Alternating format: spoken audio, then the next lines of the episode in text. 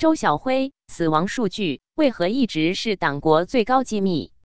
大纪元二零二三年六月十三日讯，据大纪元报道，在中共民政部六月九日公布的二零二二年四季度民政统计数据中，并没有按照惯例发布火化遗体相关数据。究其原因，有分析认为，应当是去年十二月当局放开防疫后，死亡人数巨大，中共怕造假穿帮而不敢公布。毕竟，从这些数据可以反推出疫情相对真实的死亡数据，中国真实的人口数据。世人要知晓的是，这绝非是中共首次掩盖真实死亡数据。实际上，从中共建政以来，中共就掩盖历次运动中被其害死的真实数据。从土改到三反五反肃反，从反右到三年大饥荒，从文革到六四镇压学生。从迫害法轮功到萨斯，再到中共病毒肆虐，中共为何要掩盖呢？不妨先说说上述中共发起的运动和爆发的瘟疫中，知情者、研究者和解密档案爆出的被中共掩盖的真实数据。三年瘟疫已死亡四亿人，导致中共如此恐惧的三年疫情死亡数字，民间感受与官方公布的数据有着巨大的差距。而在今年一月十六日，大纪元网站在新闻头条报道了一则震惊中国和世界的消息。法轮功创始人李洪志大师说：“三年多来，中共一直在掩盖疫情，中国的疫情已经死了四亿人。这波疫情结束的时候，中国会死五亿人。”李大师还说：“上次二零零三年萨斯出现的时候，中国死了两亿人。多年后。”中共发现人口减少了，马上放开二胎制、三胎制。无疑，这个中共病毒、新冠病毒的死亡数据完全超出了普通人的想象，很多人都难以置信。而这正是因为中共一直拼命在掩盖真实数字，也是中共不敢公布真实数据的主因。法轮功修炼者至少五千人被迫害致死。再看看自1999年7月以来被中共迫害致死的法轮功修炼者人数，对此中共无任何官方数据。根据明慧网的最新消息，截至2023年6月。可以确认的被迫害致死的法轮功学员高达四千九百五十六人，其中男性两千二百一十五人，占百分之四十四点六九；女性两千六百八十二人，占百分之五十四点一二；未知性别的有五十九人，占百分之一点一九。然而，这只是冰山一角。在中共迫害二十多年里，由于中共当局的刻意封锁，许多被非法抓捕以及抓捕后不报姓名的法轮功学员被失踪，且数量巨大，可能达到上百万人。联想到中共强摘器官数量在迫害后剧增，以及被曝光的法轮功学员被强摘案例，无法不让人细思极恐。这个骇人听闻罪恶背后，杀死了多少法轮功学员和其他异议人士、良心犯？六四至少一万人被打死。让时光倒流到一九八九年六月四日，这一天，中共军队进入北京，屠杀反腐败、要求民主的手无寸铁的学生和民众。同样，中共没有公开官方数据，但根据一九九六年三月初召开的中国社会科学院的当前社会状况研讨会上公布的一些内部档案材料。全国共有九百三十亿死亡，两万两千余人受伤。不过，二零一三年俄罗斯解密的前苏联档案中称，六四大屠杀死伤三千人。美国白宫的机密档案显示，六四死伤民众多达四万人，当中一万零四百五十四人被杀。二零一七年，英国最新解密的文档显示，六四事件中，中国军方杀害了至少一万人。文革死天文数字，在毛泽东一九六六年发动、一九七六年结束的文革中，不仅中华传统文化被彻底摧毁，而且戕害了无数中国人。美国汉学界权威、哈佛大学的费正清教授在专注中国新历史里，估计超过一百万人被迫害致死。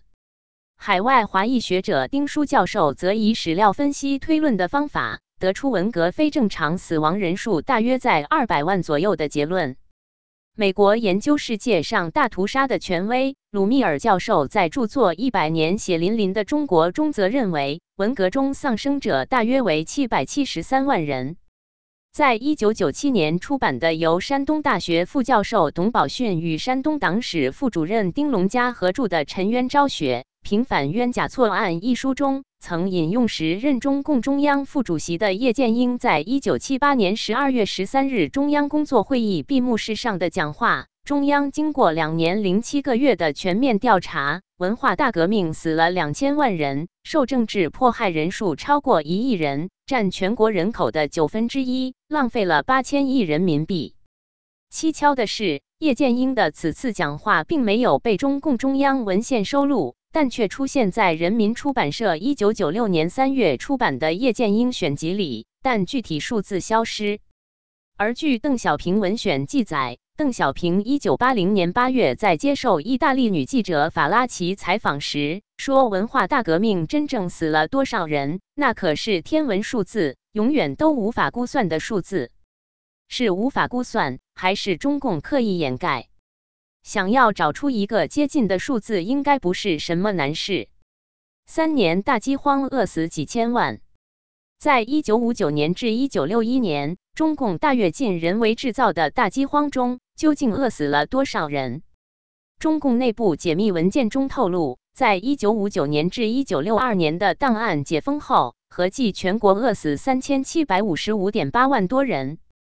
而且一九五九年人口增长率为负百分之二点四，一九六零年为负百分之四点七，一九六一年为负百分之五点二，一九六二年为负百分之三点八。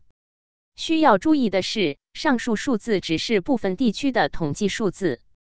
二零零七年，海外学者丁书先生在《阳谋》一书中指出，大跃进一共造成了三千五百万人到四千万人被饿死的严重后果。二零零九年底，著名水稻专家袁隆平在接受采访时，首度提到当年大饥荒时饿死了四五千万人。二零一零年，荷兰研究中国近现代史的学者冯克。（Frankie Carter 博士在其专注毛制造的大饥荒：中国最大灾难的故事中认为，有四千五百万人死于大饥荒。显然，根据各方的研究，死于三年大饥荒的人数应该不低于四千万。反右逾二百万知识分子失踪，因恐惧匈牙利知识分子的反抗在中国出现。一九五七年，中共开展了整风反右运动。整风是共产党的整风，反右是给党内、党外人士确定右派身份，并进行打击。毛采取了引蛇出洞的方法，诱使党外人士给中共提意见。在天真的知识分子真诚的批评中共后，毛露出了魔鬼的真面目。根据一九五八年五月三日中共中央政治局扩大会议上宣布的数字。反右运动中被定性为右派分子的三百一十七点八万人，定性为右派集团两万两千零七十一个，定性为反党集团四千一百二十七个。文革后，中共中央根据一九七八年五十五号档对右派进行平反，共摘掉右派帽子五十五万两千九百七十三人，予以改正五十五万两千八百七十七人，不予改正九十六人。错话率为百分之九十九点九九八。至一九八六年，全国约剩右派五千余名。消息人士称，至九十年代中期，全国只剩下不到一千名右派，其中中央级右派只剩五人。从资料中可以看出，三百一十七万右派中只有五十五万人摘掉右派帽子，其余的二百多万知识分子在哪里？显然。中共不敢言说的是，他们已经不在人世了。肃反七万多人被杀。中共建政后，为了肃清中共党政机关、革命团体、民主党派内部隐藏的所谓的反革命分子、台湾特务，于一九五五年至一九五七年发动了肃清反革命运动，简称肃反。肃反结束后。中共公安部部长罗瑞卿在工作报告中称，全国规模的内部肃反在一千八百多万职员中开展，共查出十万余名反革命分子和其他坏分子，其中混入党内的有五千多名，县级以上领导干部二百六十名，混入共青团的三千多名。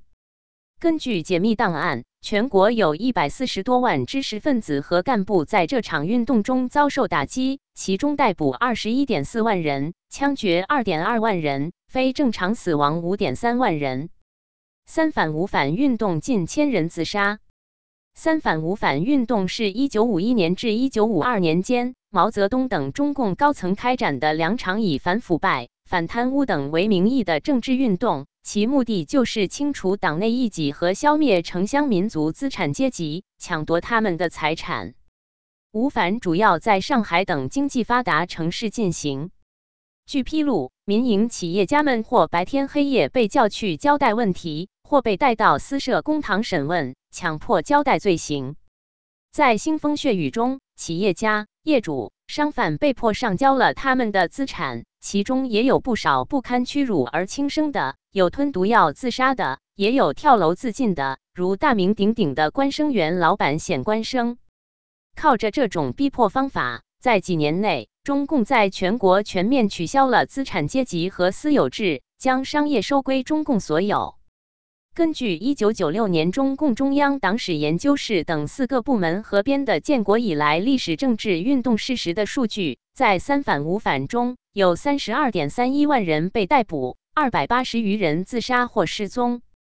另据学者杨奎松的研究，仅在上海一地，从一九五二年一月二十五日至四月一日的不完全统计，因运动而自杀者就达到了八百七十六人。平均每天的自杀人数几乎都在十人以上。若想找到真实的死亡数据，查查中共的档案，并不难得出。镇反运动逾七十万人被杀。中共建政初期，为了消灭所谓的对中共政权构成威胁的土匪、特务、国民党残留分子、恶霸、反动会道门和党团分子等，于一九五零年发起了镇反运动。毛甚至还下达了按比例的杀人指标，按比例杀人的镇反到底杀了多少人？时任公安部副部长徐子荣在一九五四年的一份报告中说，镇反运动中，全国共逮捕了二百六十二万人，其中杀了七十一点二万人，占全国人口的千分之一点三一，判刑劳改一百二十九万人，管制一百二十万人，教育释放三十八万人。学者杨奎松则认为，如果注意到一九五一年四月下旬毛泽东及时刹车，并委婉批评一些地方太过强调多杀，以致有些地方明显的出现了瞒报的情况，故实际上全国范围实际的处决人数很可能要大大超过七十一点二万这个数字。至少二百万地主死于改造运动。中共建政后，在农村很快展开了所谓的社会主义改造运动。即进行土地改革，旨在消灭地主，夺取地主富农的财产，并建立中共对农民的控制。运动中有多少地主被害？一九九零年，上海人民出版社出版的美国历史学家费正清编撰的《剑桥中华人民共和国史》中称，中共掌权初期镇压地主富农一百万到二百万。而根据旅美当代历史学者辛浩年的研究。在中共中央将土改中的打击面规定在新解区农民总户数的百分之八、农民总人口百分之十的指示精神下，中国大陆农村至少有三千万农民遭到了不同程度的打击，即遭遇了形形色色的批判、斗争和飞行折磨；至少有二百万以上的地主遭遇了镇压，并被剥夺了所有的财产。他们不仅失去了土地，而且许多是家破人亡。另据有关专家保守估计，当年的土改杀死了二百万地主分子。一位美国学者甚至估计有多达四百五十万人在土改中死亡。除了上述中共不敢言说的死亡数据外，还有朝鲜战争中共军人死亡人数，以及唐山大地震、汶川地震、郑州暴雨等诸多天灾人祸中遇难人数，也都同样被中共掩盖。可以说，每一次的死亡数据都成为了党国的最高机密。这是因为，一旦真实数据曝光，危及的必将是中共邪恶的政权。而世人要了解真实的死亡数据，了解更多中共的罪恶，一定要将中共的画皮扒开，并将中共彻底抛弃。责任编辑：蒲山。